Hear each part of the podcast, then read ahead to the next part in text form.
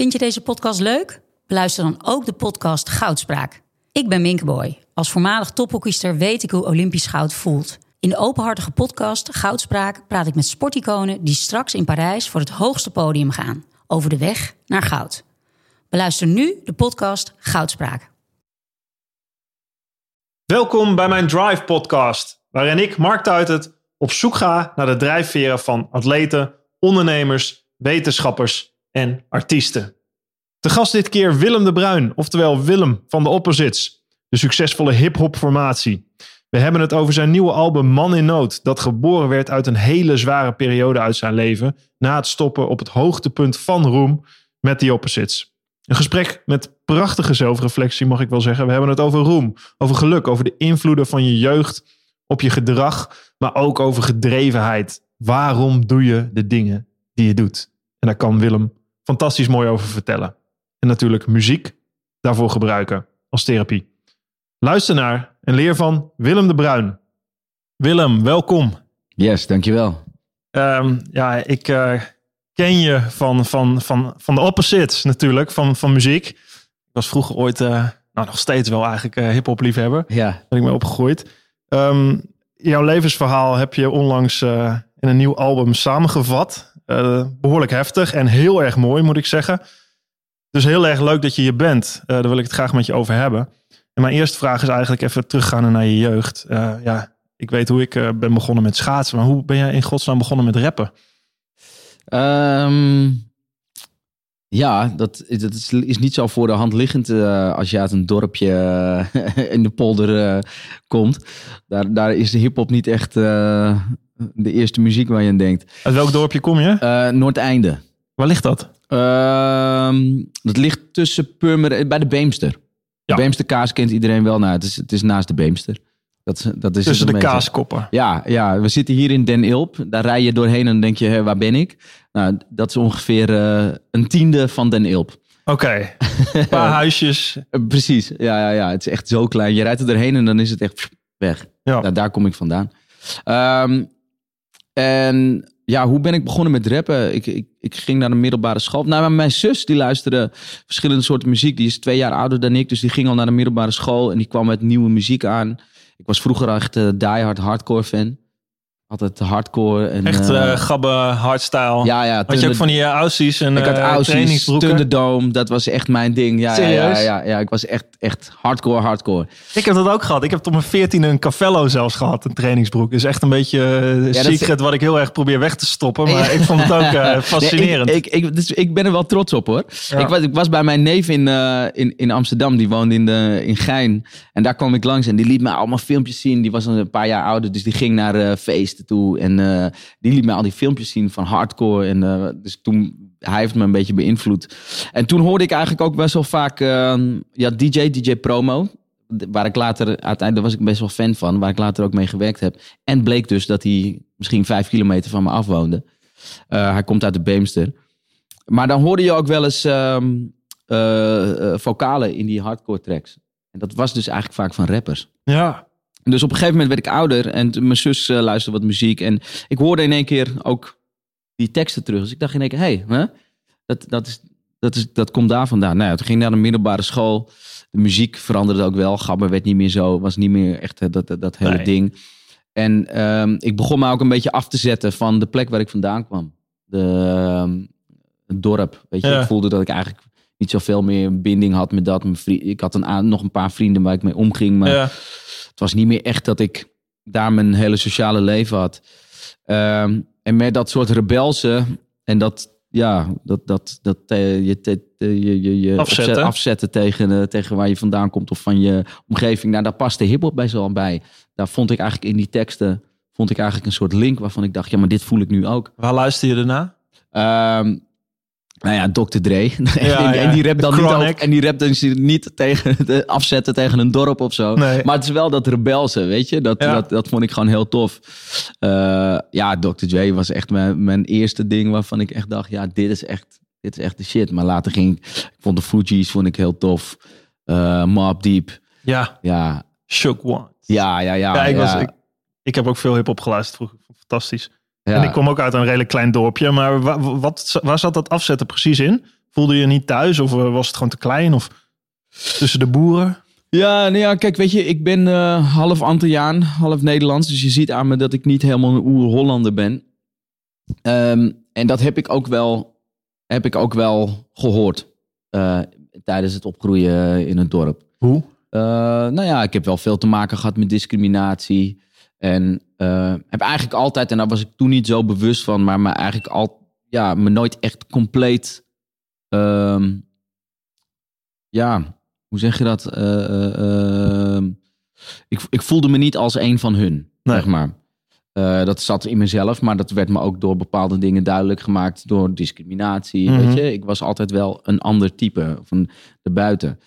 Je kreeg dat gevoel altijd. Dat je, dat je er niet bij hoorde. Of... Precies, en door, dit, door discriminatie kreeg, had ik ook altijd wel het gevoel van... ja, ik hoor er niet helemaal bij. Ik ben niet echt een Nederlander. Ja.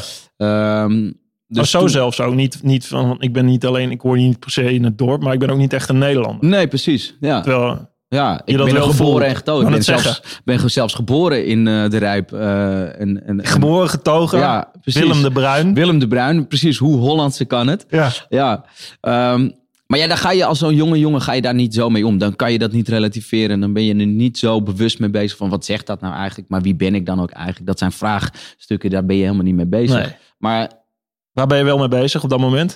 Als je jong bent en je, je gaat naar de rap. eh, nou ja, kijk, wat, wat, wat voor mij heel belangrijk was, en waar ik achter, later pas achter kwam, is dat, weet je, dat, dat discriminatie en, en dat buitensluiten, dat, dat heeft een bepaald soort pijn eh, gevormd bij mij, die ik heel erg weggestopt had. ja. Heel erg. En, en dat me ook het idee gaf van. Ik moet ergens aansluiting zoeken. Ik moet ergens bij horen. Dus toen ik naar, eh, naar de middelbare school kwam. eh zat er natuurlijk veel meer jongens met, met, van buitenlandse afkomst. En vond ik in één keer, oh ja, we zijn hetzelfde. Oh ja, Hmm. daar vond ik mijn, eh, mijn, mijn link. En ik had op een gegeven moment ook zoiets. Ja, weet je, als, als ik dan die buitenlander voor je ben, is goed. Dan ben ik dat ook, weet je. ja. Ja, maar, maar fok jullie dan ook. You made me. Ja, precies. Zal het je laten zien. Precies, ja, dan ben ik het. Dan ben ik ook. Dan hoor ik ook echt niet bij jullie. Dan hoor Ja. ik ook echt bij de Dus je andere koos kant. echt de andere kant. Ik koos echt voor de andere kant. En ik wilde ook echt. Ik trok veel meer toe naar de, naar de Antilliaanse kant. En dat was veel meer een soort van. Daar voelde ik me Maar voelde je daar wel thuis dan? Of is het ook niet helemaal.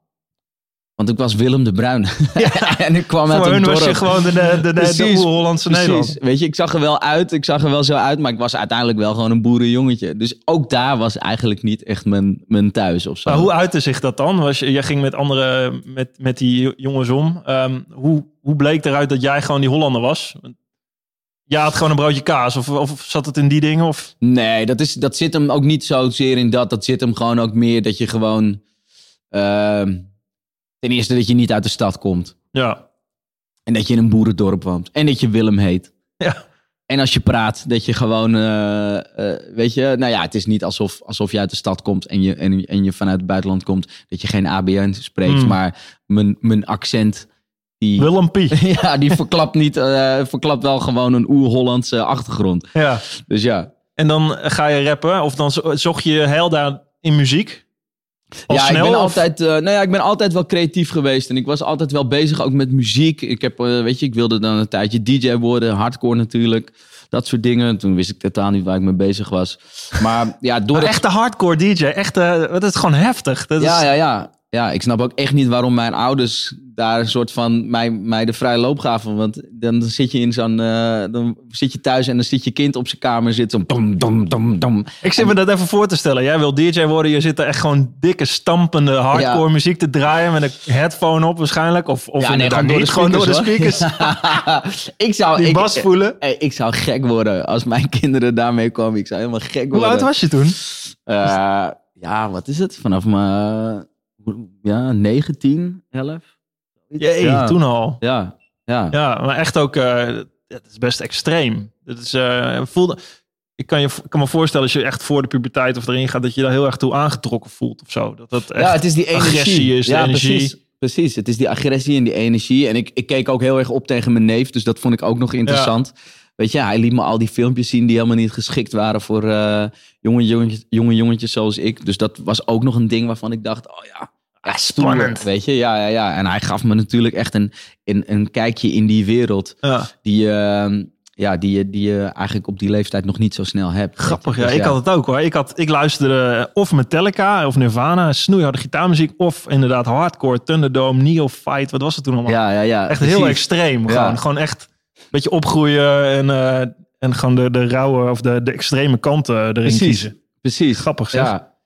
ja, en gek genoeg is het, eh, eh, vind ik die, ehm, die, die, dat soort, dat extreme, dat Mm. zit hem in dat hardcore. Maar dat zit hem ook weer in hip-hop. Weet je, Ja? vooral de Vond je dat daarin ook? Ja, zat ook weer, weer een extreme. Dat zat hem dan misschien, nou, nou, ook wel in de muziek. Dan niet zozeer dat het zo'n harde, zo'n Mm. harde Thunderdome kick had, maar wel in, in obscure, obscure beats of op, op, op teksten, weet je. Ja, Dat je was- noemt Dr. Dre, NWA. Precies. Ook, eh, ja, dat was wel gewoon, gewoon in your face. eh, en, en dat ging gewoon wel hard of zo. Ja. Dus dat, ja, En dat eh, in de middelbare school, je groeit op. je, je komt in de puberteit. Ik neem aan 15, 16, 17 jaar oud.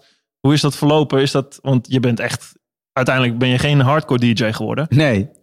Nee, dus ik, ik, ik, ehm, ehm, ja, ik vond hip-hop tof. En ehm, een vriendje van mij, die had een, eh, uit het dorp nog wel, die had eh, zijn vader, die was eh, een hobbymuzikant. Dus die had een kamertje ingericht met allemaal keyboards en whatever. En ehm, ik ont- ontmoette Twan op Ja. school, waarmee ik de opposites later vormde. Dus ehm, we zijn eigenlijk een keertje voor de grap bij die jongen langs geweest, bij die vriend van ons. En we gingen gewoon voor de grap rappen. Zo begon het. Echt twee jongens die denken van, ah, Ja, grappig. we gingen een beat maken, eh, eentje op een drumstel. En dan hij, die, die vriend van ons drumde. En dan gingen we gewoon een rap schrijven. En eigenlijk vond ik Hoe dat wel dat? grappig. Ja, verschrikkelijk. Weet je dat nog? Ja, ja, ja, ik weet niet. ik- Laatst vroeg iemand me dus ook. Dat ging over Lolo Ferrari. De titel van Lolo Ferrari. Ken je nog twee zinnen of een Eh, Nee, ik, nee, ik weet Voor de mensen die niet weten wie Lola Ferrari was, dat was de vrouw met alle dikste tieten de ter wereld. titel ter wereld. Ja, ja, een heel tragisch verhaal. Ja, ze is overleden. Maar, maar voor jongetjes van 12 is dat enorm Fascinatie. fascinerend. Ja. De dikste titel ter wereld.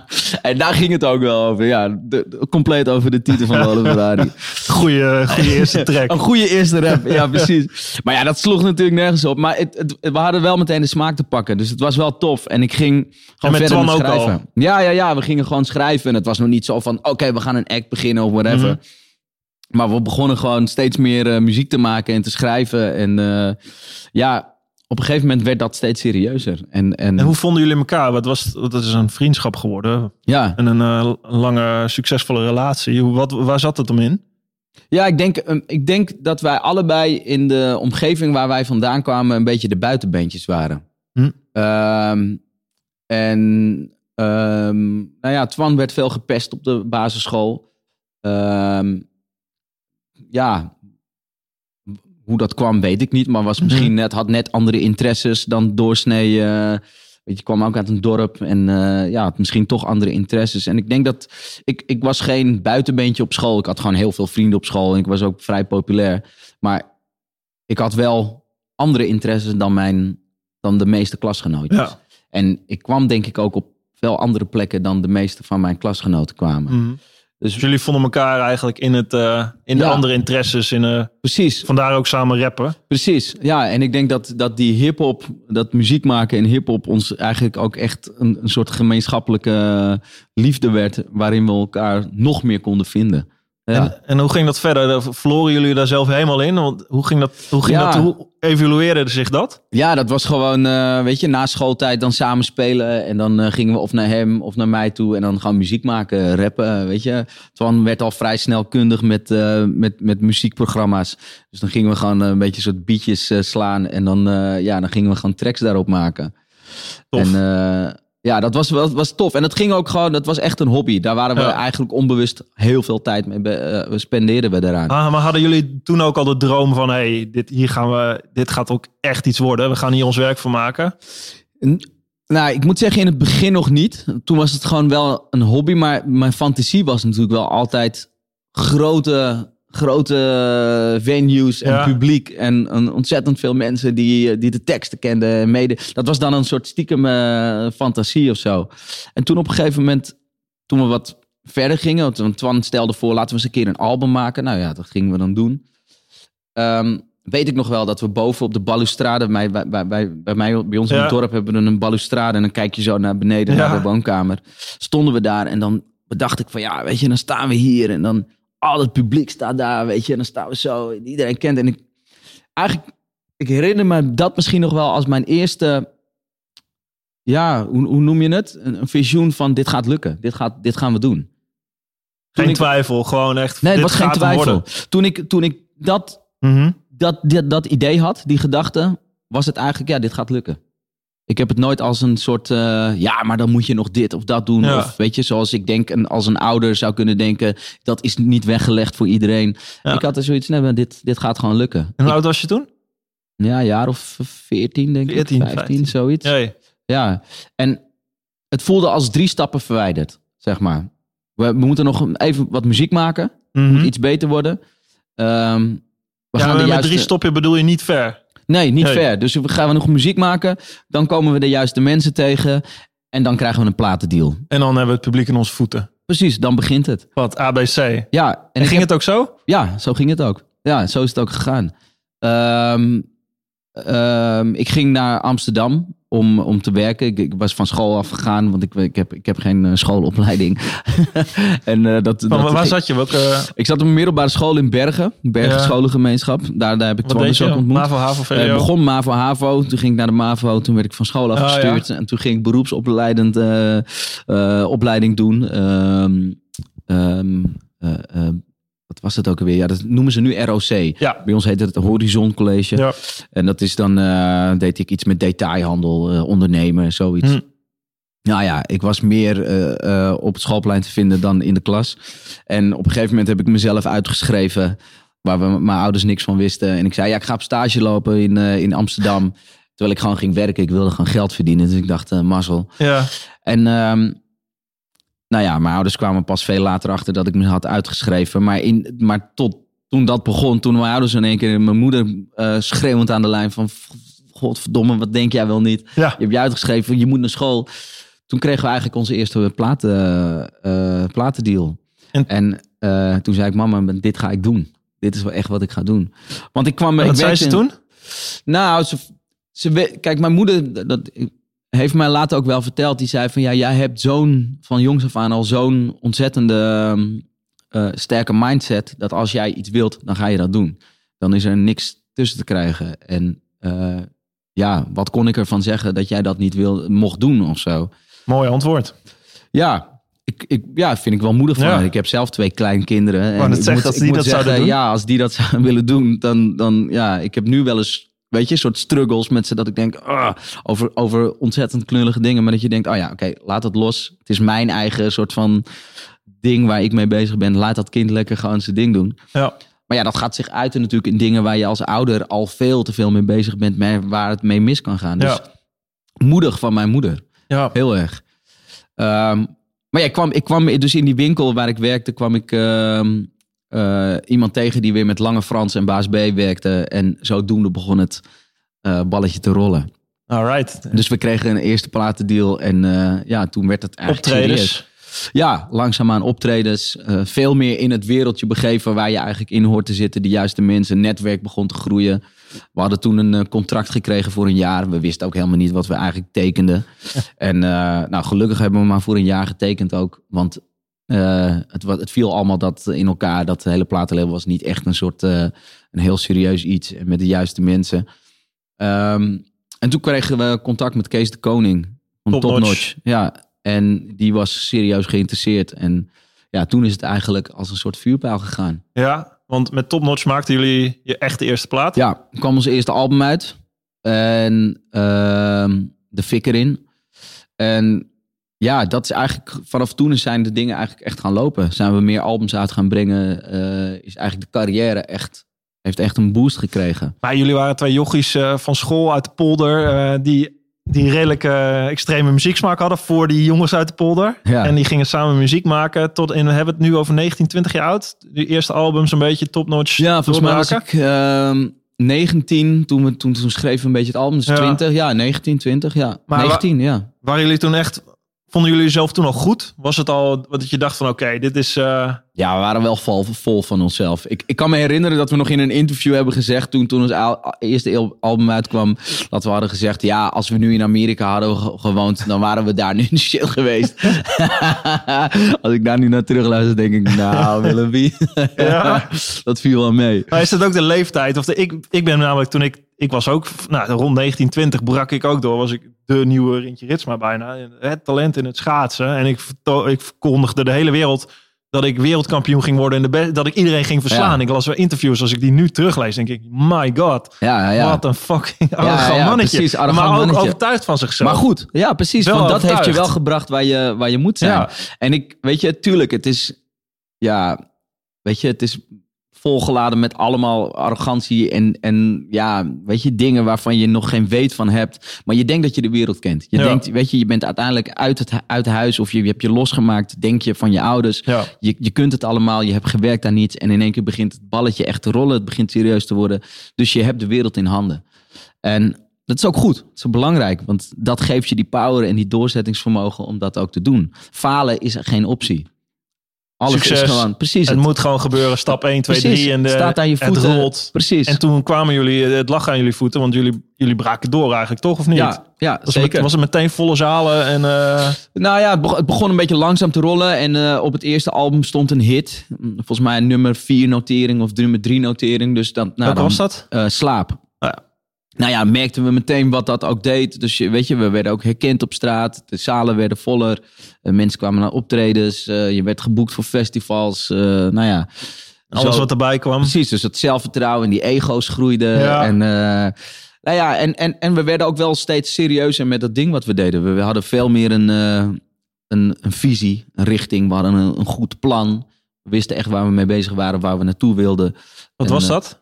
Nou ja, we merkten bijvoorbeeld na het eerste album, na, na de hit Slaap, ehm, dat dat ook een, een, eh, ja, iets kan veroorzaken waar je misschien minder op zit te wachten. Op een gegeven moment deden we optredens en dan stonden we met allemaal eh, kindjes en eh, ouders voor, voor ons neus. We dachten, ja, maar ja, dat willen we niet. Weet in een feesttent op de kinderdisco? Precies, weet je, ja, ja, of tenminste gewoon a- ouders en kindjes met, met alle liefde naar, Ja, naar ja. hun natuurlijk. Maar wij wilden meer gewoon dat onze eigen leeftijdsgenoten, die, daarvoor deden we het, weet je. Dus we wisten ook wel van, oké, we hebben dat, die muziek met liefde gemaakt. Maar als je het op deze manier inzet, zoals we het toen hadden gedaan, dan ga je te veel die kant op. En dat Mm. willen we niet. Dus Mm. we wilden juist wat meer gewoon echt, weet je, laten zien van hip-hop is wel echt waar onze liefde zit. Ehm, dus toen hebben we weer een, een, een hard album gemaakt, eh, een soort tussenalbum, Rauwdouw heette dat. Ja. Ehm, en daarna kwam... Welke hits stonden daarop? Geen klasse, geen stijl. Ja, geen Ja, klasse, geen ja. Nou ja, dat was meteen een Ja. beuker. Dat, dat, dat, dat maakte ook meteen goed wa- wat wij eigenlijk een beetje recht wilden zetten. Ja. En eh, daarna kwam begin 20. En nou ja, dat was eigenlijk ook weer, weet je, wat is een, een, een soort nieuwe doorbraak. Ja. Dat mensen dachten, oh ja, wacht, ze zijn echt serieus. En ja, ja, en jullie maakten volgens mij... eh, volgens mij zijn heel veel rappers tegenwoordig... Nederlandstalige rap helemaal doorgebroken.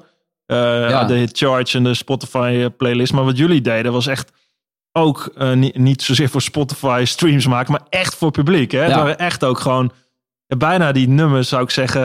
Er zit alles in. Er zit die feesttent in, in de polder. Daar Ja. zit de, de gabber en de hardcore Thunderdome in. ja, Maar er zit, er zit, er zit zoveel in. Het zijn echt geen klasse, geen stijl. Ja. is- je moet niet zitten aan mijn Nike's. Al precies. die, het is echt gemaakt voor... eh, het, is niet, het bestond nog niet echt. Zoiets. Nee, niet ja. op die manier. Nee, ik denk ook wel dat, eh, dat, dat eh, de hip-hop in die tijd nog best wel een goede, ook een goede tijd, ik bedoel nu nog steeds hoor, maar, Mm. maar het maakte echt een soort van, ja, alles kon nog. Het was nog nieuw, weet je. Het moest Ja. zichzelf nog helemaal, het stond in de kinderschoenen, het moest zichzelf nog helemaal uit gaan vinden. Ongepolijst ook een beetje. Ja, precies, Rico ongepolijst. Sticks, Ja, allemaal. ja, Ja. weet je, dat was hard. Je had, je had nog echt, het was ook niet zo groot, dus je had echt een aantal koppen en, en meer was er ook nog niet. Hm. Zeg maar. Het was nog niet zo'n grote markt als dat het nu was. Ehm, dus je viel eerder op ook. En toen kwamen ook de zalen. En, de, en de, de- het publiek waar je als jochie eh, voor, op je balustrade stond. Dat, dat werd werkelijkheid, Precies. toch? Ja, dat was eigenlijk de eerste keer dat ik zag, ja. En ik, ik me- merkte ook echt, ja, als, als je dit wilt dan, dan, en je werkt ervoor, dan kan dit gewoon. Want hoe zag, het, hoe zag jullie leven er op dat moment uit? Als, je- als je doorbreekt, hoe ziet het eruit voor een artiest? Ja, op die leeftijd, dus dan praat ik over, eh, nou ja, vanaf 19 tot eh, ergens, weet je, en, dan- dan ging het steeds harder, eh 23, 22, 21, 22, 23, 24. Als ik nu terugdenk, dan wist ik eigenlijk helemaal niet wat ik aan het doen was. Ik had echt zeeën van tijd. We zaten soms in de studio muziek te maken. Of nou ja, we maakten wel veel muziek. Eh, en elk weekend optreden. En dan gingen we gewoon de bus in. En dan hadden we met z'n allen in de auto. En dan reden we naar waar, toe, waar we naartoe moesten. Toen de- destijds deden we ook nog disco-shows. Ja, Dus dan, dan kom je gewoon, je bent het weekend, het hele weekend weg. gewoon door heel Nederland toe. Ja, soms twee shows, drie shows op een En eh, avond. dan eh, heb, wat heb je bij je? Is het wodka, drank voordat je het podium oh, alles? Suipen en, drugs? En nou, dat viel wel mee. Nou, eigenlijk niet echt drugs. Alleen, alleen drinken vooral. Oké, als je Ja. podium, jij bent, betrad je wel eens nuchter een podium? Zelden. ja, maar dat moest ook wel hoor. Weet je, want je, Ja? bij die disco-shows, jongen, dan, dan weet je, ten eerste, je begint gewoon in de avond, dan rij je naar, de, naar, naar je eerste show toe. Weet je, je moet ook ergens een beetje mee kunnen doen met die, met die mensen of zo. Mhm. Weet je, je moet een beetje zo dat, dat Ja, je kan niet- feestgehalte in die stemming komen. Je bent eigenlijk een beetje de, de, de soort van de toonzetter van die avond. Ja. Dus ja, als je daar te serieus komt, ja, dan, dan daar zitten mensen niet op te wachten. Ze willen feesten, ze En ze willen de opposites. Precies. En de opposites zijn niet eventjes eh, een beentje die komt spelen. Dat Precies. is eh, knallen. Precies, Toch? precies. Ja. ja, dat is gewoon rammen, ramwerk en die hele tent op zijn kop zetten. Ja, dat, dat is echt wat jullie deden. Als ik, ik, ik, vond, ik, vond jullie, ik luister echt naar jullie muziek. Vond ik Ja. mooi. Maar ook, ik, ik heb helaas nooit live een optreden gezien. Maar als je die video's ziet van holy shit jongen. Ja. Echt een pit. En een, precies. ik hou van, ik, ja, ik ben echt fan van, ik ben ook opgegroeid met eh, aan de ene kant de Thunderdome. Daar heb ik later ben ik altijd kwijtgeraakt. Maar ook hip-hop vond ik vet. Ook hele heftige gitaren. ja, Ik, ga, ik ben wel eens bij Slipknot geweest. Gewoon Ja, echt tof. keiharde metal. En Ja. ook gewoon in die mosh pit in het centrum. ja. En dat is zo heftig, maar ook dat zo vet. Ja, precies. Er gebeurt ik, heb, zoveel. ik, heb, ik heb te weinig die, en- die energie meegemaakt vanuit het publiek. Maar omdat we natuurlijk, weet je, vaak op het podium stonden, heb ik het wel altijd kunnen zien. En we waren ook wel de aanzet. We, we waren wel degene die Mhm. de energie eh, overbrachten. Eh, en dat is ook wel wat we merkten op een gegeven moment. Van hey, die energie is zo belangrijk voor eh, wat je achterlaat. En wat men, wat men, waar mensen over gaan praten. En wat voor ideeën je achterlaat bij mensen. Van hey, dat zijn de opposites. Dus daar gingen we steeds meer ook naar werken. Die energie. Wat kun je met die energie doen? En het werd een soort sneeuwbel die groter werd. Je Ja. had het over ego's die ook groter worden. Ja. Wat heeft ermee te maken? Is dat het aanbidden van, van het publiek naar jou, met vrouwen misschien wel, met drank, alles wat erbij komt? Ja, ja en, en, en eh, die erkenning, weet je, die honger naar erkenning, die, die, die, die, die honger naar, oké, we hebben dit, eh, we hebben de lat nu hier gelegd, we hebben het gehaald. Wat wordt de volgende uitdaging? Laat maar zien, we gaan het weer halen, weet je. Steeds die lat hoger leggen voor jezelf, steeds, steeds ehm, kritischer worden, maar ook beter proberen te verbeteren. Weet je, en ergens ook stiekem misschien wel een concurrentiestrijd met andere, andere muzikanten. Zoals? Nou ja, kijk, weet je, er is natuurlijk veel hip-hop. Weet je, Mhm. hip-hop werd steeds groter. En je had natuurlijk altijd wel een aantal gasten. Die waren een beetje de mannen van het moment. Ja, als je, als je net daaronder zit, dat voedt jou natuurlijk, of tenminste, dat voedde ons ontzettend als soort van. Ja, dit, dit, daar halen we kracht uit. Oh, jullie denken dat je nu daar de shit Kom maar bent? op. Wacht maar. Ja, en wat, hoe, zo- zaten jullie samen, jij en Twan, samen Ja, in een ja, busje ja. van, ja, wat gaan we nu doen? Wat gaan we nu ja, doen? precies. Dat was wel een soort van, oké, weet je, dit, wij, wij- een goede, wat voor ons een goede leerschool is geweest. We zaten, eh, opgezwollen was toen echt de shit. Ja. Opgezwollen was echt gewoon, die, die roelde. En die- staan voor mij nog steeds op ergens een eenzame hoogte in wat zij bereikt hebben. En eh, nou ja, dan stonden we wel eens voor, met optreden stonden we dan voor hun. Mhm. Ja, dat was gewoon eh, dan een beetje op de pijnbank gelegd. Ja, Dat was zo confronterend en kut. want? Ja, dan, wij stonden daar gewoon, eh deden we een half uurtje show voor hun. En dan moesten we trekken, jongen, en ons Ja. best doen. En dat, je merkte gewoon aan het publiek van, ja, We komen hier voor... weet je, eh, we komen niet voor jullie. ja. We komen voor opgezwollen. en dat, wat deed en dat met je ego? Ja, dat is natuurlijk, dat is, ja, dat is ergens een soort van dat je denkt, godverdomme, weet je, wat is dit? Weet je, wij, ik wil dit, ze moeten voor ons, ik wil laten zien dat wij hier zijn, weet je. Maar ja, je voelt aan alles van, ja, er zit een rem op bij die mensen. Want Ja. ze wachten eigenlijk op die andere gasten. Ja, ja, dan hoeft de Delik hoeft er maar op het podium te lopen. En dat was, wat, dat was meer energie dan bij ons het hoogtepunt van de show. Jongen, en dan, dan denk je, ah ja, dat, en dat is toch wel interessant om dan te blijven kijken. Want dan kijk je en dan denk je, ja, hier leer je toch wel veel van. En dan merk je ook dat ze eigenlijk vrij weinig deden qua. ehm, het was, was supergoed, zat strak in elkaar. Maar ze deden helemaal niet zo gek op het podium. Nee. Maar het publiek zat daar voor de muziek. En die was daar echt voor hun. En, die Mhm. was, en dat is gewoon een hele goede, goede leerschool voor ons geweest. En ook een goede soort boost geweest om, om, om te zien van ja, je bent er nog niet. Nee. Weet je, je, je, je ego en alles, wees er trots op, is allemaal leuk en aardig, maar je bent er nog niet. Er is nog Ah, een level bovenop. Jullie konden wel gewoon eh, met beide beentjes ook wel op de vloer blijven denken. We moeten, we moeten, we willen de beste worden. We willen presteren. Precies, Want precies. ik heb, ik heb over jou gelezen, ehm, dat is een quote van jezelf. Ik heb een ontembare prestatiedrang. Ja, ja, ja. Dat zo in mijn podcast, Drive. Het gaat Ja. over mensen die gedreven zijn. ja, Die ja, zit daar die prestatiedrang in? Gewoon om het willen, de beste willen worden, willen zijn? ja. Waarom? Ja, ik denk dat het met een aantal factoren te maken heeft. Maar één sterke factor, factor die, ik, die, ik, die ik kan terugleiden is toch wel eh, daar waar ik vandaan kom, het dorp. Het gevoel gaat nooit erbij te horen. En, en ehm, dit als een soort van voeding nemen om te laten zien. Ik, weet je, ik doe er, ja, ik doe hier. ertoe. Weet je, ik hoor erbij. Ja. Ik ben, ik, als, als, ik, als ik er niet bij hoor of niet naast je kan staan, dan ga ik er wel boven staan. Toch Dan, fascinerend hè, dat je op zo'n voedingsbodem komt erin. Het zit misschien ook nog wel deels in jezelf. En die twee dingen samen zorgen er wel voor dat je, dat je gewoon fucking ver komt. ja, Dat je zeker. heel ver komt. Dus het, het, is, het is een negatieve... Ja, Ja, het, is, het is pijn omzetten in kracht. En Ja. ja, en, ehm, ja daar, daar zit natuurlijk ergens een soort trieste kant aan. Aan de Hmm. andere kant is het ook wel iets moois. Want kijk, je, je, hebt het leven niet eh, eh, in de hand. eh, in die zin dat als je gewoon, je groeit op, je bent nog helemaal niet bezig met wat er allemaal op je bord komt. Ja. Maar de dingen komen op je bord zoals ze komen. Daar kun je niks aan doen. En ehm, hoe ga je ermee om? Wat, hoe vormt het jou? Ik heb ook een hele lange tijd, dat is later, heel erg in, in de soort van verdrietmodus gezeten. Mhm. En het soort van. Eh, ik, het- ik droeg het als een last dat Ja. dat me allemaal was overkomen. Ja, Gaan we zo komen. Daar, heb je, Ja. daar gaat je nieuwe album over. Dat is, eh, dat is autobiografisch. ja, Fantastisch. Tot we daar zijn. ehm, de opposites. Het, het, jullie, die sneeuwbal werd groter. Jullie bereikten je hoogtepunt. 2013. Lowlands. eh, hele goede recensies. prijzen. Gekkenhuis. Dat was gewoon... Jullie, jullie waren op de piek, toch? ja, ja. Vonden jullie dat zelf ook? Of dachten Ehm, jullie toen van... Hey, het moet nog beter? Of, ik, ik had altijd terug het idee van het moet beter. er, er is nog zoveel te winnen en we kunnen nog zoveel doen.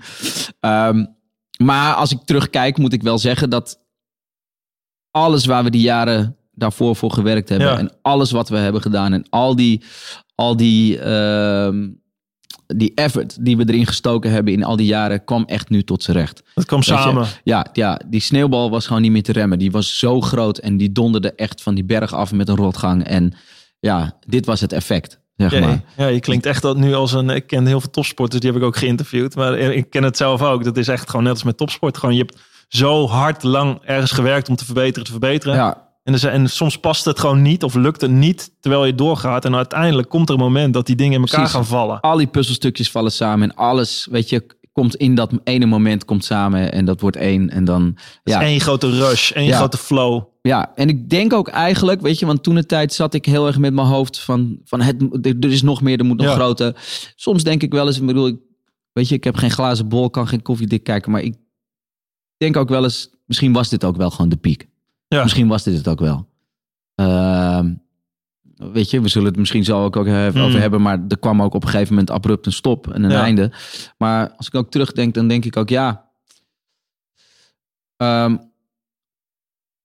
er- zat sowieso nog meer in. Er zat Mm. absoluut in. Maar hoeveel groter had het nog moeten, moeten Ja. worden? Hoeveel, wat, wat, wel- welke kant hadden we dan op moeten gaan of zo? Ehm, Ja, dat was op jullie manier, waar jullie, samen, jullie samenwerking, want die, dit had er heel erg te maken ook met, met het publiek, hè, met de live shows, naast dat jullie goede muziek maakten, maar ook dat dat hele optreden, Eh, volgens mij eindigden jullie altijd met Thunder. Hè? Echt een nummer nou, waar weer veel van jou in zit, neem ik aan. Hè? Met die hardcore. Ja, dat is gewoon ja, bijna ja. een hardcore nummer. Wat er doorheen gaat. Precies. Eh, als je dat ziet. Maar dat is voor het publiek werkt het fantastisch. Ja, als je het allemaal ziet. Is dat ook wat samenkomt? Dat je gewoon een hele set hebt met al die nummers. Wat je toewerkt naar één grote ja, moshpit. Bijna één grote chaos. één grote explosie. Ja, ja, ja, nee, dat is het. Echt, weet je, het is echt die vuurpijl die je echt... En dan gaat maar door en je denkt, nee, Ja. nee, nee, komt ie, komt ie, komt ie, Ja. komt ie, komt ie. En nee, en boem. Maar dan moet er fuck fantastisch Ja. voelen. Dan moet er heerlijk zijn. Ja, ja, ja, nee, dat is, dat is echt absoluut heerlijk. En dan voelt het ook, weet je, weet je dat... Voor je ego is dat gewoon die erkenning, maar ook het gevoel hebben dat je alles in de hand hebt. Je hebt dat moment in de hand, je kunt alles leiden, je kunt het sturen, dat denk je. Ja. Ehm, en, en is deels ook zo. Ehm, maar dat, ja, dat voelt ontzettend machtig. Dan ben je echt, je bent... je- ja, ja, Maar dan sta je, ik ken het. eh, het, het is, misschien voelt het als een Olympisch gouden medaille winnen. Dan sta je op het toppunt van de berg. Je hebt overzicht inderdaad, controle. Hè? Dat voelt Ja. zo lekker. Je kan alles zien wat er gebeurt. Alles komt naar je toe. Maar ja, de, dat is helaas, of helaas, misschien is het wel nuttig ergens in het leven zo. Dat eh, ja, je moet een keer van die berg afkomen. Je moet een Precies. keer weer eh, naar Precies. beneden. En je moet een keer weer door de drek ergens. Het, schijnt, het, lijkt net of het erbij hoort. ja. En het ging bij jullie vrij abrupt, hè? Jullie gingen, jullie gingen uit elkaar. De opposites. Het is nooit officieel ophouden te, opgehouden te bestaan. Nee, Jullie gingen gewoon niet meer optreden. ja. Hoezo? Nou ja, ehm, Twan kwam op een gegeven moment, die zei van ja, het gaat niet zo lekker met me. Ik eh, voel me niet zo goed. Ik, ik ga niet meer met plezier naar de optredens toe. Ik, eh, ik merk dat ik er niet meer goed in zit. En eh, nou ja, ik merkte ook aan hem dat hij, ja, dat, hij, dat het niet lekker ging. En ehm, ik had zoiets, oké, dan moeten we de rem erop gooien. Want gezondheid gaat voor boven alles. Ehm, en destijds had ik nog zoiets van, nou weet je, hij voelt zich gewoon even niet goed. Ja. Misschien een beetje te veel Dippie. gewerkt, whatever, dip. Ga even lekker op vakantie. Daarna gaan we gewoon weer lekker verder. Ik ga gewoon verder met muziek maken. Als je terugkomt, dan eh, heb ik weer wat liggen en dan eh, komt het wel goed. Eh, ik had wel een afspraak gemaakt, weet je, want de optre- optredens die, we, die nog staan, wil ik wel graag doen. Mhm. Ook vanwege financiële Ja. redenen. En nou ja, oké, cool. Maar ja, gaandeweg kwam ik erachter dat er eigenlijk veel meer aan de hand was. En dat het ook eigenlijk helemaal niet meer verder zou gaan. En Hmm. dat het niet meer een, een, iets was wat nog goed ging komen. Want, of hoe, hoe, waar zat dat in? Nou ja, weet je, we hebben begonnen te praten. En er- er bleek wel ook, ook meer aan de hand te zijn dan, dan alleen dat het niet goed ging met Twan. Er waren ook de lage dingen tussen ons die misschien nooit uitgesproken waren. En alles ging goed, dus waarom eh, de Ja. focus lag alleen maar op het succes en op het goede. Maar er waren ook dingen die, die niet goed gingen. En die had je zelf ook nooit echt gezien of niet bewust van? Of, Nee, ik was daar minder mee bezig. Weet je, ik denk ook dat dat misschien meer in mijn aard ligt. Dat ik ben niet echt van het eh, de vinger op de zere plek leggen. Ja. Ik ben meer van, eh, weet je, als het goed gaat, Door. gaat het goed. Precies. Weet je, niet, niet te veel richten op, eh, op wat er niet goed is, maar gewoon. heb, je nou, heb je een voorbeeld wat je kan vertellen? Nou ja, kijk, je zit. ehm, ehm, ehm, je zit natuurlijk gewoon met, met, met, met. Je rijdt met een heel team. Rij je elke dag eh, naar, een, naar, een, naar een optreden toe. En whatever. Je zit constant op elkaars lip. Ja. Weet je? En daar zitten ontzettend leuke momenten in. Mm. Maar op een gegeven moment ga je je soms ook wel eens irriteren aan elkaar. Ja. Weet je? En. ehm, nou ja, bij de een kan dat meer zijn dan de ander. En weet je, voor iedereen heeft, heeft daar zo'n zijn eigen. Ik denk ook dat het heel erg te maken heeft met, met wie je bent, waar je vandaan komt, waar misschien wel je onzekerheid of je angsten zitten of Ja. whatever. Ja. Weet je, en dat gaat zich dan uitvergroten of kan zich gaan uitvergroten. Dat En- was bij jullie allebei speelde dat eigenlijk. Ja, ja, misschien bij de een wat meer dan de ander, maar dat, dat merkte ik op een gegeven moment dat er, dat er wel degelijk dingen lagen die eigenlijk helemaal niet uitgesproken werden of waar eigenlijk nooit over gesproken was. Maar dat is heftig zeg. Dan ben je op het hoogtepunt van je succes. Ehm, en eigenlijk verlies je dat succes. En misschien ook wel je beste vriend. Ja. Dat moment. Zeker, ja, die gesprekken waren moeilijk. En ehm, ja, daar, daarin, daarin kwamen we in één keer toch. Weet je, voor mij was het wel altijd een soort van: we zijn samen, whatever. eh, Ja. maakt niet uit wat er Bijna is. een soort altijd, huwelijk. Ja, we, ja ik, weet je, voor mij is altijd dat we samen zijn is altijd het belangrijkste. Succes is alles leuk Ja. en aardig, maar, maar samen. is het belangrijkste.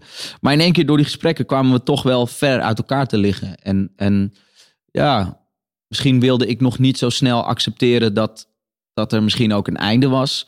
Misschien had ik ook niet het gevoel dat dat, dat, dat echt ook daadwerkelijk gezegd werd. Mhm. Dus was het misschien iets waar ik meer naar moest zoeken of zo. Waar ik zelf achter kwam van hé, hey, er zit gewoon een einde aan. Ja, en toen, dan, toen, toen dat voor mij een beetje duidelijk werd, ja, toen stonden we in één keer eh, toch verder van elkaar af dan, Ja. dan we al die jaren gedaan hadden. wa- dan we al die jaren stonden. En eigenlijk, ja, daar is jouw album bijna uitgeboren uit dat hele moment. Man in nood. Ja. Eh, Willem heet het. Dus je Ja. was Willem van de Opposites. Ja, En je zegt nu, ik ben gewoon Willem. ja precies. Willem de Bruin. Ja, Eh, want dat hele moment daarna, na dat succes, en ik hoor je een paar keer terugrefereren ook naar je jeugd en naar dingen die, dat je jezelf hebt leren kennen.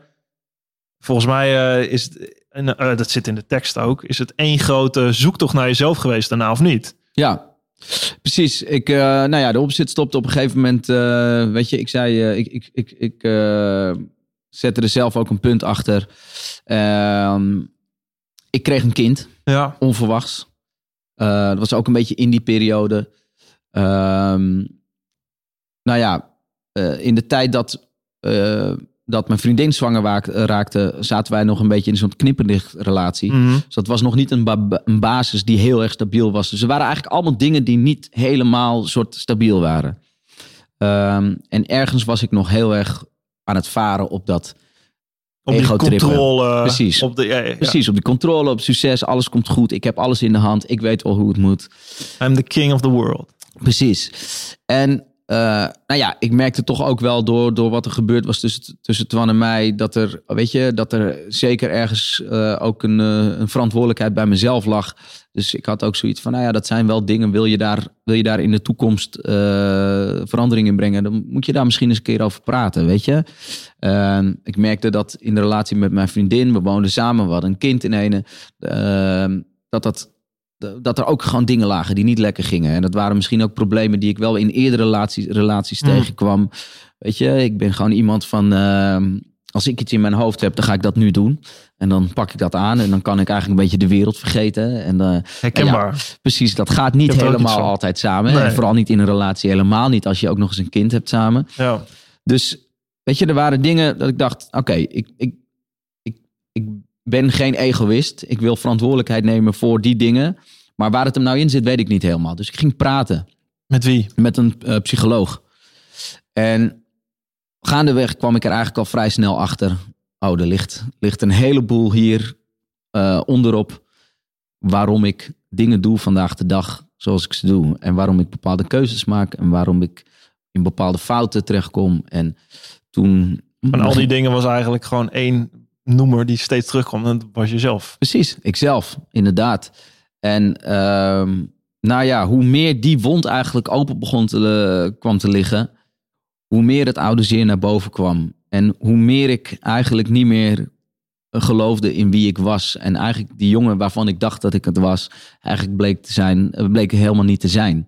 Ehm, en ja, de focus kwam steeds meer op die pijn en op die negatief, negativiteit. En nou ja, weet je, als je, als je, als je, als je zeg 30 jaar lang ehm, iets negeert en zegt het is er niet. En in één keer staat het voor je deur.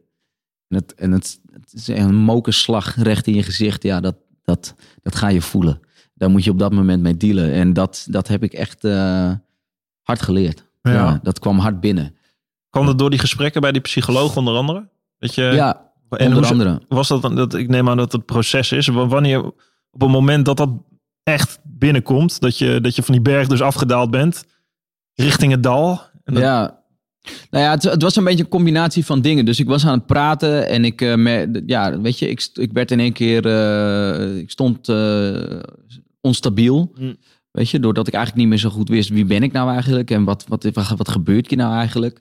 Ondertussen voelde ik ontzettend de drang van ik moet verder met mijn carrière. Want als ik niet wil doorga, presteren. ik moet presteren, dus ik Ja. moet een album. En dat album moet minstens zo goed zijn Ja. als dat waar ik geëindigd ben. Dus, en met misschien nog wel beter. Dat moet allemaal doorgaan, doorgaan. Logisch als je een ontembare prestatiedrang Precies. hebt inderdaad. Precies. En eigenlijk was dat helemaal op dat moment niet eh, aan de orde of iets waar ik me mee bezig moest houden. Ik moest op dat moment rust nemen. En ik denk dat ik langzaamaan een beetje in een burn-out kwam. Ik probeerde iets, te, iets te doen waar Ja. ik helemaal niet de energie voor had. Ehm, eh, ik kwam denk ik in een burn-out, maar accepteerde dat nog niet. Ik was nog aan het. Eh, eh, eh, weet je, en ik denk een, een- een, voorbeeld van een, of een, een symptoom van een burn-out is, dat je dingen doet, maar het lukt niet. Het Ja. lukt niet. En je wordt eigenlijk steeds meer geconfronteerd met falen. Mhm. En nou, dat kwam, ging steeds verder. Nou ja, als, als dat fa- falen gecombineerd wordt met emoties en pijn uit het verleden. ehm, en weet je, dat verdriet, nou ja, dat is niet echt een positieve cocktail voor de volgende dag. Nee, want daar schrijf je over op je, op je album. Volgens mij, een a- je raakt van de weg met de auto. Er, er, gebeuren, er gebeuren allerlei dingen in je leven. Dat, je houdt te pak, dat nummer, wat ik echt, echt serieus, bijna tranen in mijn ogen, hoe Ja. mooi dat nummer is. Ja, Totaal anders dan wat je gemaakt hebt. Maar dat gaat ook eigenlijk, dat is, ja, het is iets meer inderdaad misschien gericht op, eh, eh, op, op liefde, denk ik. ja zeker. voor je, voor je vrouw eh, en je kinderen. Maar hoe ehm, kun je me meenemen in dat, in dat gevoel, zeg maar? Wat, wat, hoe, hoe voelde je toen en wat deed je? Wat, eh, van de weg raken met een auto, dat is wel... ja. En, en zulke soort dingen, dat zal niet het enige zijn. Hoe, eh, hoe, hoe, hoe kwam je je dagen door? Hoe, hoe beleefde je dat? Ja, kijk, om te beginnen moet je begrijpen dat ik, ik ehm, ergens had ik mijn demonen vanaf jongs af aan, weet je. En dat kwam ook door de, de dingen die ik meegemaakt heb, weet je, de discriminatie en de manier hoe ik ermee om ben gegaan, door het, door het gewoon weg te, weg te stoppen. Maar ik ben vanuit mezelf altijd een rasoptimist. Ik, wat ik altijd een heel sterk mindset die altijd zegt, eh, als iets niet lukt, dan ga ik ervoor zorgen dat het lukt. Ja, Ehm, ik heb ergens een angst voor. Dan, dan voel ik de kracht om, om mijn angst ongelijk te geven. Ja. Dus ik voelde ook altijd, dat, zo was ik ook altijd. Weet je, altijd zoeken naar een oplossing. Altijd tegen mezelf kunnen zeggen: Oké, Willem, nou je bek houden. Stoppen met je negatieve gedachten. Ja. Doorgaan. Ja. Dat was altijd mijn ding. En ik merkte in één keer dat lukt niet meer. Ik blijf hangen in die negatieve gedachten. Die, die, ik ben niet meer zo sterk in mijn, in mijn, in mijn gedachten. Ik, kan, mijn, mijn, ik heb de controle niet meer over gedachten. Ja. Mijn gedachten zeggen constant, het gaat niet goed. Daarnaast ehm, waren er ook voorbeelden die steeds eh, lieten zien dat het niet goed ging. Het lukte niet meer met muziek maken. Ik wist eigenlijk niet meer zo goed waar ik over moest schrijven. Eh, thuis ging het, liep het niet lekker. kan ik me voorstellen, ja. Weet je, nou ja, allemaal, allemaal Wat, wat zei je vriendin tegen jou? Nou ja, die merkte dat ik gewoon steeds moeilijker eh, met mezelf om kon gaan. En die merkte dat ik steeds eh, ja, verder weg van mezelf raakte en steeds, steeds negatiever raakte. En zijn Nee. genoeg mensen die op zo'n moment zeggen van... Uh, Toedeledokie. nou ja, en dat was, het, dat was echt de eerste keer dat ik, ik, ik, ik was zo ontzettend negatief. En ik werd op een, op een ochtend wakker. Mijn vriendin ging werken, ik had de kinderen en ik zat op de bank. En het leek wel alsof ik alleen een klein puntje voor me kon zien. De hele rest was, de wereld was een waas. Ik had inmiddels twee kinderen en ik kon niks meer. Mijn, mijn gedachten waren, gingen echt, nou, ja, hoe noem je het? Een tornado was het. Ik kon, ik, het is nog steeds moeilijk om uit te leggen, maar je- Mm. om, om, om het te verwoorden, zodat je mensen een beetje het idee hebben. Maar mijn gedachten gingen echt 100 mijl per uur. Het, het ging van links naar rechts. Ik had er geen controle over, ik kon het niet stoppen en alles was negatief. En Ook, ik- ook, ja, want je hebt je kinderen. Je, kon je liefde voelen? voor je, voor je kinderen Nee, bijvoorbeeld? ik was daar niet. Fysiek was ik daar, maar ik was daar niet. Bizar, hè? En ik merkte gewoon, ik ben hier, ik kan geen, ik kan geen vader voor hun nu zijn. En me- ik hoorde mijn zoon nog zeggen, papa kom van de bank, kom spelen, kom spelen. Ja, En ik, ik kon het niet. Ik was daar niet. En, ik, en een stem in mijn hoofd van, ik wil hier niet meer zijn. Ik moet weg. Ik, ik, we- ik, heb, ik wil eigenlijk niet meer leven. Weet je, ik wil... En het is gewoon heel gek. Een, Ja. een, een suïcidale gedachte die, die ik nog nooit had gehad. Ik bedoel, ik hield van het leven en hou nog steeds van het leven. Maar waarom zou je dood willen, weet je? Voor wat? Ik heb twee mooie kinderen. Ik heb een, eh, een lieve vriendin. Ik heb eh, een, een talent die ik, eh, waar ik nog genoeg mee kan. ja. Maar het lukt allemaal niet.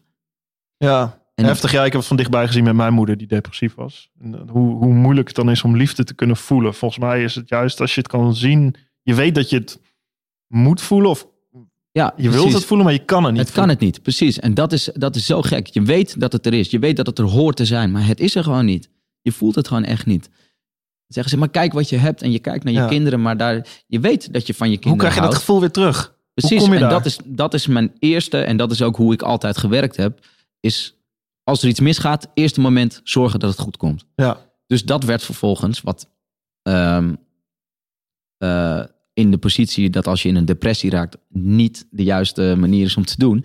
Zorgen dat het allemaal maar snel eh, Nee. opgelost raakt. Want dat gaat niet snel eh, oplossen.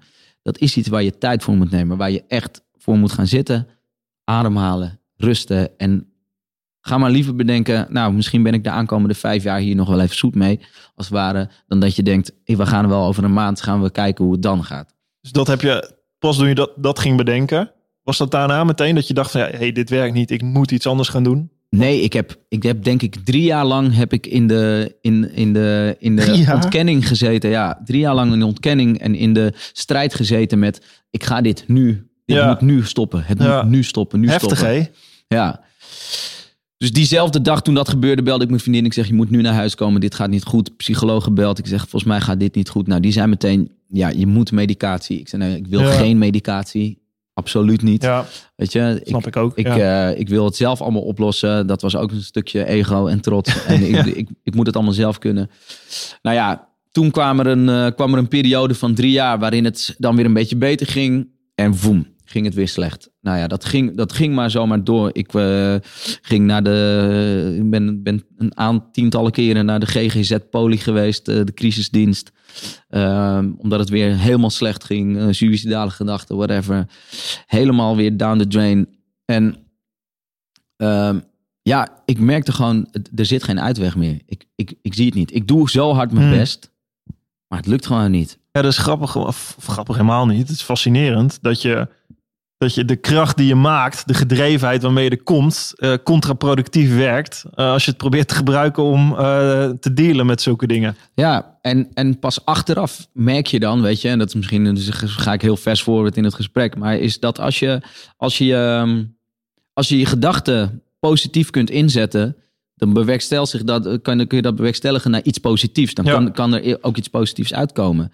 Hetzelfde met als je in een negatieve eh gedachte zit, in een negatieve kracht zit, gaat, dit- gaat dat zich ook negatief uitwerken. Ja. En hoe krachtig je bent in het positieve, om daar alles mee te kunnen bereiken, diezelfde kracht heb je dus ook, heb ik gemerkt, in het negatieve. Ja, ja. Het, is- het is een soort self-fulfilling prophecy. I know, I know man. Ik, heb, ik heb een heel interview gegeven al eens eh, in mijn carrière. Dat heet de, de schaduwzijde van eh, de medaille. Zo begin ik ook vaak wel presentaties. Je hebt, de- je hebt de, scha- de lichte kant die iedereen ziet natuurlijk. Hè. Eh, De fantastische kant. Wauw. hè. Dus jouw optredens, Precies. als je op YouTube ziet. Ja. Wauw, fantastisch. Wauw. hè. Geld verdienen. Alles eh, wauw. Alleen er zijn natuurlijk, het is geboren uit een kracht ook die ook heel sterk is. Die, die aan de andere kant ook kan zitten. Precies. Ik luisterde heel veel naar Tool. Ik weet niet of je Tool kent. Het is een soort, ook een soort prog metal band. Ja. Het nummer dat heet eh, 46 and 2. En dat gaat eigenlijk over, het refrein gaat ook your shadow. Stepping through your shadow. Ja. Dat ja. je door je schaduw heen stapt bijna. Precies. Die, die omarmt. Helemaal bent zoals het is. En dan pas de volgende stap. Dat heb ik voor mijn, voor, voor mijn gouden medaille heel erg mee moeten maken. Ik had ook twee keer de Spelen gemist. Om echt eh, door, je, door, die, door die, dat steeds niet lukken. Een deksel op je neus. En ik ben ook positief ingesteld. Ik ben zwaar overtraind geweest.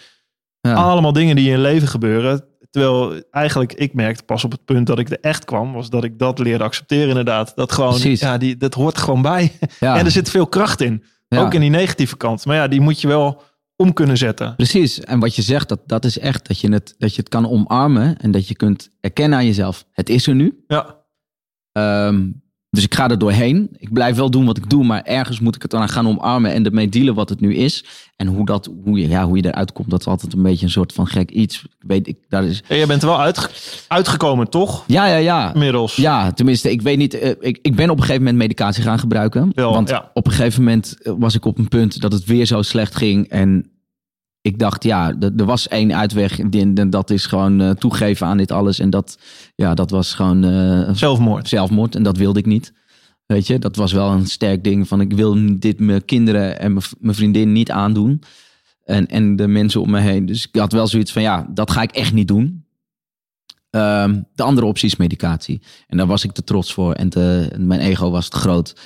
Eh, maar toen ben ik wel één gaan zien. Ik heb een goed gesprek gehad met mijn psychiater. En die heeft me echt duidelijk kunnen maken dat op een gegeven moment, kijk, je hebt, je hebt de negatieve gedachten, je kunt in een burn-out zitten, je kunt al die dingen, maar op een gegeven moment maakt je stofwisseling, als je op een gegeven moment zo in een negatieve Ja. proces komt, is, werkt het gewoon zo in je hersenen, dan maak je ook geen eh, stoffen meer aan waardoor je positief gaat denken. Ja. En dat is echt een stofwisseling, dat is een ziekte en dat heet depressie. Ja, klopt. Ja, ja, het is heel fascinerend hoe je lichaam werkt. Hè? Je hebt Ja. een soort regulatiemechanismes. Precies. Die als je een beetje stress hebt, dat is goed. Dan kun je opvangen. Dan gaat je lichaam. Maar als je uitgeput, dan ben je gewoon uitgeput. Precies. Dan, dan gaat je lichaam gewoon Ja, shut down. Klaar. Het is klaar. Het stopt. En, en daar merkte ik dat ik zo mee in kamp had. Ik, heb, ik wist alles je te vertellen over waarom ik zo dacht, waarom ik me zo voelde, hoe of wat. Maar op een of andere manier kwam daar niet een soort moment uit dat het een stuk beter ging. Nee, het viel elke keer weer terug. En toen dacht ik, nou ja, misschien moet ik dat toch dan proberen. En eh, dat ben ik gaan doen. Dat werkte. Dat werkt nog steeds.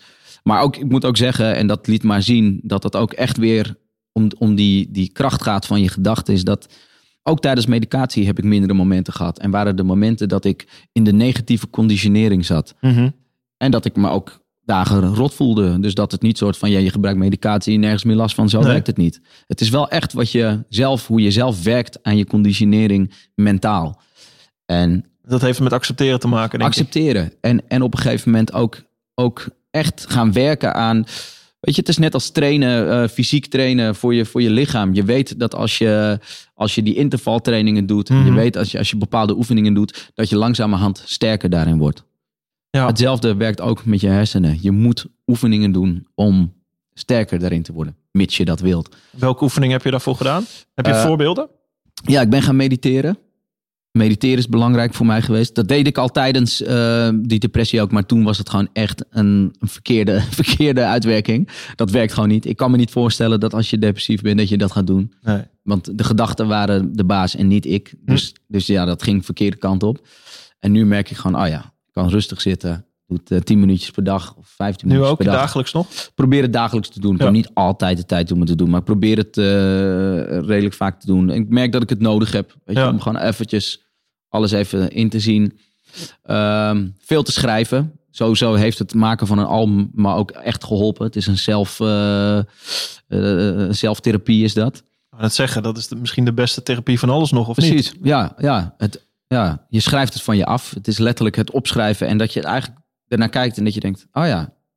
Dan, dan zet je het uit jezelf en je ziet en denk, oh ja. Want er is ergens een omslag geweest dat je heel erg bezig was muziek te maken, à la The Opposites. Hey, ik ben eh, Willem en ik ga, Ja. ik ga dit maken, ik moet het maken, ik moet mezelf verbeteren. ja. En er is ergens een moment dat je dat hebt losgelaten en gewoon, gewoon je hele hart op papier hebt gezet, of niet? Ja, ja, precies. Nou ja, dat was eigenlijk was, was dit niet de muziek die ik wilde maken. En ik was heel erg bezig met andere muziek maken. Maar op een gegeven moment, ja, het lukte maar niet. Er kwam er alleen maar, dit rotalbum kwam er alleen maar uit. En ik dacht, ja, dit, dit is het niet. Weet je, ik wilde hits, ik wilde energie, Ja. ik wilde dat soort dingen. En nou, toen was ik met Sef, een goede vriend van mij, eh, gaan praten. En ik zei, nou, ik stop ermee, ik ga geen muziek meer maken. En hij zei, laat eens horen dan wat je hebt.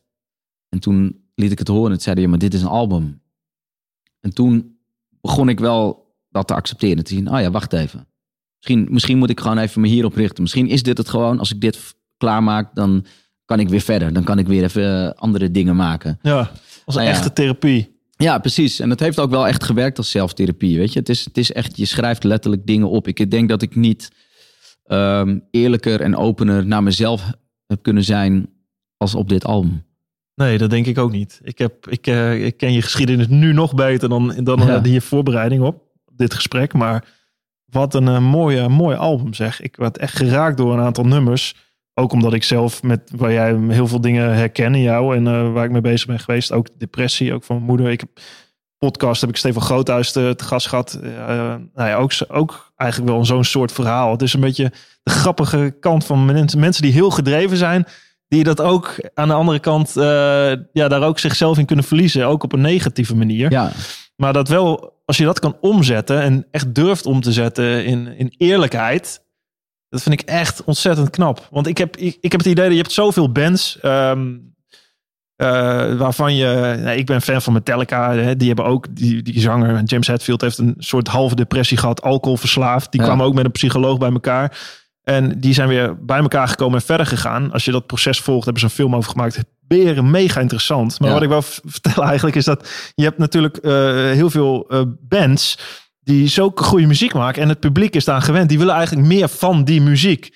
Terwijl ik kan me voorstellen, in een creatief proces, je werkt niet zo. Een kopie maken van wat je al hebt gedaan is totaal niet interessant. Precies. Wordt altijd afgezet tegen wat je, wat je bent.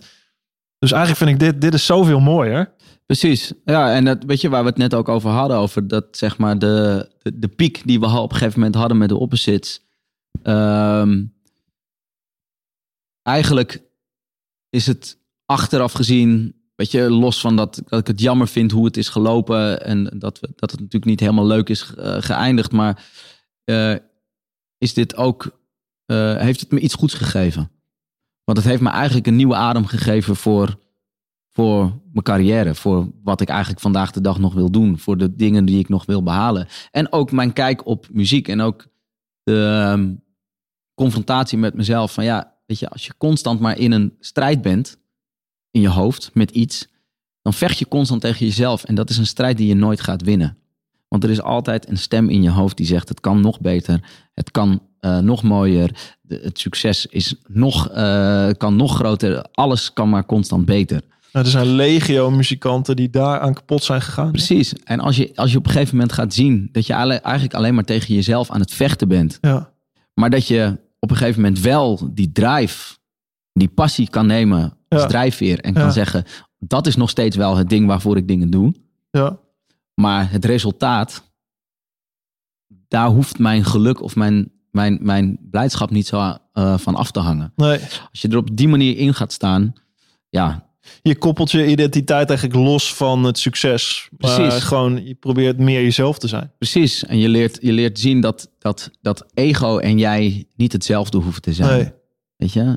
Ja, Ja. mooi. Ja, ik herken dat. Ik, ik zit met Olympisch kampioen worden. Word je ook natuurlijk. Hey, je bent Olympisch kampioen. Je bent dat. Je moet heel erg oppassen dat je niet dat niet je identiteit wordt. Precies. Je bent veel meer dan dat natuurlijk. Net als je zegt. Ja, het het heeft ook te maken, denk ik, bij jou dat je vader wordt.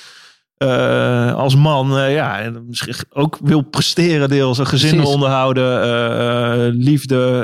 eh, je wordt, ja, je gaat van jochie natuurlijk, dat- van 20 jaar oud die de wereld wil veroveren en met een grote smoel, herken ik, had ik Ja. ook, naar een volwassen kerel die terugkijkt Precies. en denkt van, waar word ik nou happy van? Wat, wat, wie ben ik echt? Precies, precies. En ik denk ook dat het ook, weet je, het heeft ook een beetje met leeftijd te maken. Ook Ja. met, met, met, weet je, het is ook de, de, de, de tijd waarin je zit. Wat je, weet je, wat, waar we het over hadden. Je bent eh, twintig, je, je kan de wereld aan, je weet allemaal hoe het zit.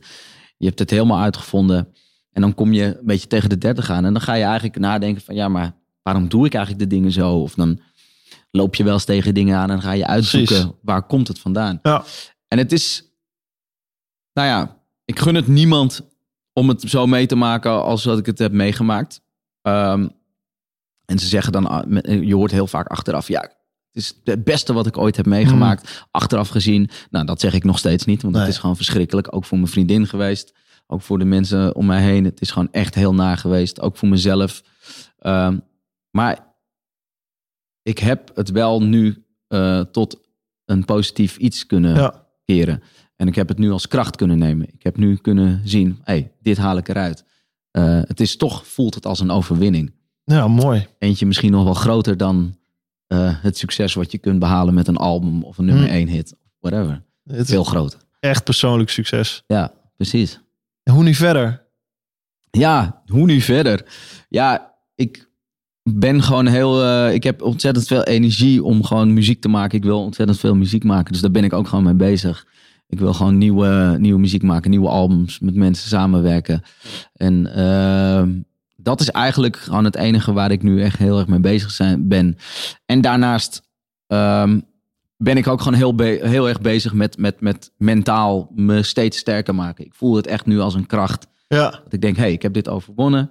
Eh langzaamaan begint het steeds sterker te worden. Heb ik weer die, die overtuigingskracht, komt weer terug. ja, ja. Dat ik denk, oh ja, als ik, me, als ik mijn- mijn mijn gedachten weer op dingen zet en het, en het, goed conditioneer, de goede balans vind, dan, dan ja, voel ik me een gezond en, en vitaal mens.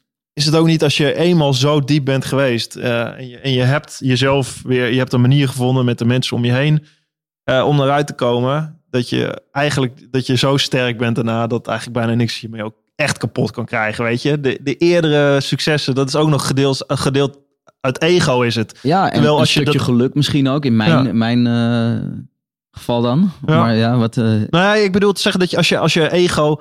eh, je doet heel veel dingen natuurlijk uit jezelf outperformen. Ego, ik wil beter, ik wil groter, ik wil harder, ik wil mooier. Terwijl als je niet... Je kan heel teleurgesteld zijn als je die eerste plaats niet haalt, zeg maar. Hè, voor mij Precies. ook, voor jou ook. ja, Muziek, sport. Terwijl dat eigenlijk, ja, dat is een soort verborgen onzekerheid. precies. Je Ja. wil gewoon de eerste worden. Dus geef je nou maar toe. Je, je bent gewoon een loser als je derde Precies, wordt. Precies, ja. Dan En heb je je, wil die loser niet eerlijk zijn. gezegd, heb je dan gewoon gefaald. Ja, precies. Ja. Dat is het.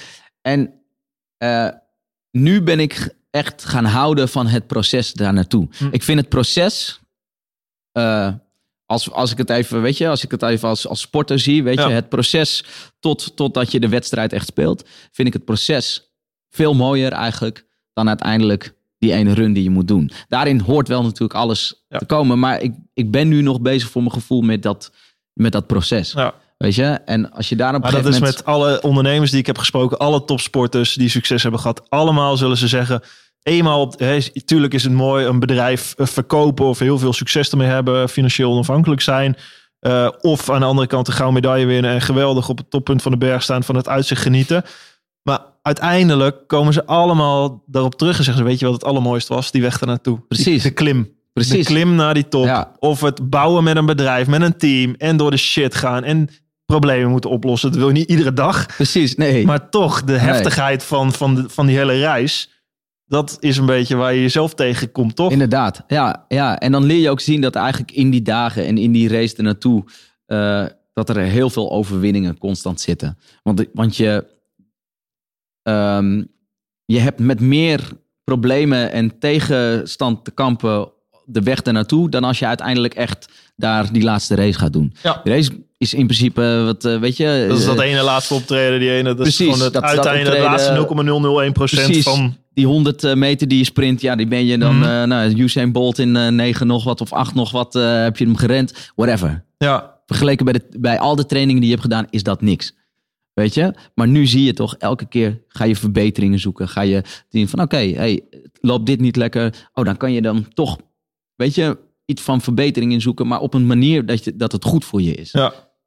En, en dat je je- jezelf ook gaat. ehm, eh, hoe noem ik? Ik kom even niet op het woord, maar dat je je gaat ervoor zorgt dat je niet nog een keer in die terugval komt. Dat Ja. je niet nog een keer dezelfde fouten maakt die je eh, voorheen gemaakt hebt. ja, ben je daar bang voor of ben je daarop beducht? Nou ja, ik ben, ik ben wel heel erg bewust bezig met waar sta ik Hm. op dit moment. Wat, eh, weet je, bijvoorbeeld, ik heb dat album uitgebracht. En natuurlijk komt Ja. daar gelijk ook een stuk ego weer bij kijken. Ja, Weet je? Maar ja, dan ben je dan heel bewust van, van ja, oké, die ego is er. Dat, blijkbaar is, is dat er gewoon nog steeds en daar tuurlijk. doe ik dat- weinig aan. ja, maar daar drijf je ook toch deels op. Het is ook, Precies. ik, ik geloof niemand die, die heel succesvol is, die zegt, ik heb ego interesseert me niet. Dat Nee. geloof ik echt. Daar Nee, geloof dat kan bal niet. van. Dat kan niet. Die, die, Nee. die zit er gewoon. Ja, die is er. dat de is met die Dalai Lama heeft ook ego. Ja, bedoel, die ego is er gewoon. Dat is een deel van de mens. Ehm, en soms is hij me ook tot last. Weet Ja. je, merk ik. Maar ja, wanneer kunnen... Wanneer, weet je, Je probeert te leren herkennen wanneer Precies. het tot last is en tot lust. ja, en wanneer kan je die stem even gewoon de mond snoeren en zeggen... Ja, even kappen nu. Eh, nu ga ik even weer eh, de, de touwtjes in handen nemen en de dingen even in perspectief zetten. En ja, mooi. Dus je geniet van het proces nu. Van Ja, muzikant zeker. zijn. ja En eh, thuis misschien ook. Zijn ze- thuis. ja, ja. hoe gaat het daar? Goed, want dat lijkt me ook heel heftig voor thuis, voor, voor je vrouw, voor, voor Ja. kinderen. Hoe, wat, ze hebben je, Nou ja, die kinderen zin- hebben natuurlijk, denk, die hebben het meegemaakt, maar die, Ja. hebben, het, hebben dat helemaal niet eh, bewust meegemaakt. Als in ze wisten wat er aan de hand was Mhm. en wat er speelde. Maar ja, die hebben de spanningen thuis natuurlijk wel gevoeld. En die, die krijgen dat mee. En ik heb, ja, ik, er zijn gewoon momenten geweest dat ik echt geen leuke of goede vader was. En dat, dat, ja, die kan ik helaas niet terugnemen. Maar dat, daar weet ik wel van, ja, dat was geen leuk moment voor hun geweest. je hebt nog een heel leven met ze voor je. Daarom, ik heb een heel leven nu en gelukkig gaat het nu goed. En eh, bij ons thuis gaat het ook goed. En ja, het is iets wat, wat eh, weet je, wat ik al eerder zei. Het leven geeft je soms dingen waar je niks eh, aan kunt doen. En moet je ermee omgaan. En de manier hoe je ermee omgaat is soms belangrijker dan er allemaal maar voor zorgen dat het allemaal, maar dat je geen stootjes krijgt en geen blauwe plekken en whatever. Je kan hem maar beter voelen. Ook al is Precies, het de pijn. precies. Ja, Ja. En dan Ja. kun je het nog omzetten. In ieder geval in een prachtig mooi album. Zoals Precies. wat jij hebt gedaan. precies. Dus ik ben Ja. heel erg benieuwd wat er eh, nog meer gaat komen en eh, wat, je, wat je allemaal meer gaat doen. Maar dat eh, maak ik me niet zoveel zorgen over eigenlijk. En niet zozeer over, over voor ons als publiek, maar meer ook voor jezelf. Dat je daar je kracht uit mag halen. Ja. Want ik vond het een enorm waardevol gesprek. En heel erg bedankt daarvoor, Willem. Tof. Leuk. Eh, Goed gesprek. Ja, thanks. En als er nog eh, vragen zijn, mensen, eh, op, op deze podcast of aan, eh, aan Willem, laat het weten op mijn social media kanalen of die van jou. En ik zou zeggen, luister het album Willem op Spotify Ja, of waar dan Ja. ook. Man in nood. Ehm, want het, het was een man in nood, maar Ja. daar is hij wel uit. ja. Prachtig mooi, prachtig mooi album. Man in nood. Thanks. Dank je. Thanks. Dank je voor het luisteren naar mijn Drive podcast. Wil je nu meer afleveringen luisteren? Abonneer je dan op mijn podcast via Spotify, iTunes of YouTube. Je kan me vinden onder Drive Podcast Mark Tuitert. Of bekijk alle informatie en alle podcasts op www.firstenergygum.com. Ga je naar het tapje media en het tapje podcasts. Daar vind je alle informatie. Laat me ook weten wat je van deze podcast vindt en welke gasten jij graag zou willen horen. Dan ga ik daar werk van maken. En dat kan je doen via mijn eigen social media kanalen. Mark Tuitert. Je kan me vinden op Instagram, Twitter en LinkedIn. Ga gedreven verder zou ik zeggen. En tot de volgende Drive podcast.